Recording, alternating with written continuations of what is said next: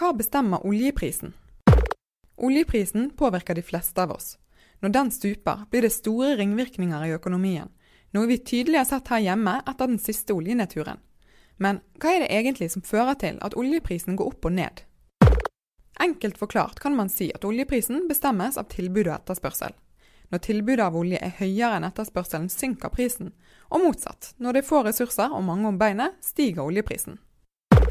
Det er viktig å huske på at oljeprisen påvirkes både på kort og lang sikt. På kort sikt spiller enkelthendelser stor rolle, og ikke minst markedets forventninger til hvilken effekt disse hendelsene kan få. F.eks. når et oljeproduserende land rammes av en krise, kan dette medføre at oljeprisen svinger.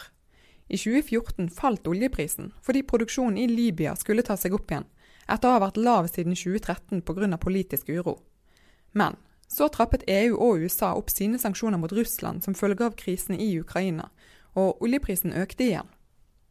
Ekspertene er ikke helt enige om hvordan oljeproduksjonen i Iran vil påvirke oljeprisen.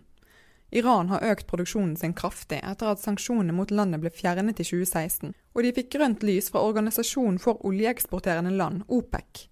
Men samtidig er landet preget av uro, noe som ifølge eksperter har bidratt til at oljeprisen starter 2018 på sitt høyeste nivå på to år.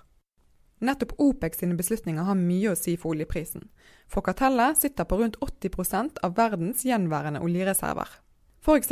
kan OPEC-landene bli enige om at de skal produsere mindre olje fordi oljeprisen er lav. Her kan andre faktorer igjen veie opp. Skiferoljeproduksjon i USA er et godt eksempel på dette.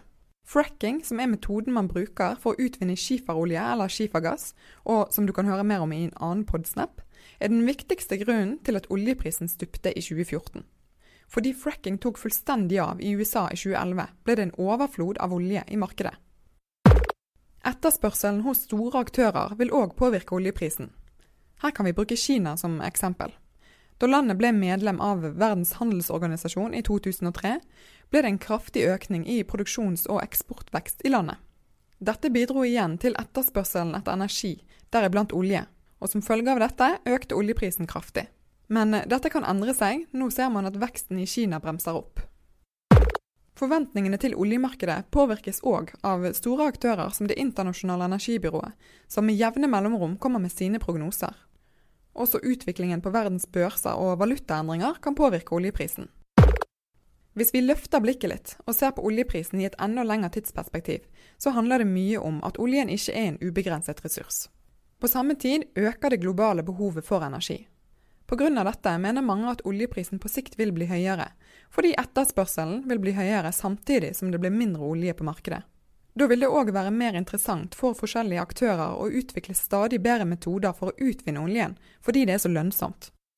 Men det finnes konkurrenter til oljen. Markedet innen fornybar energi er i stadig utvikling.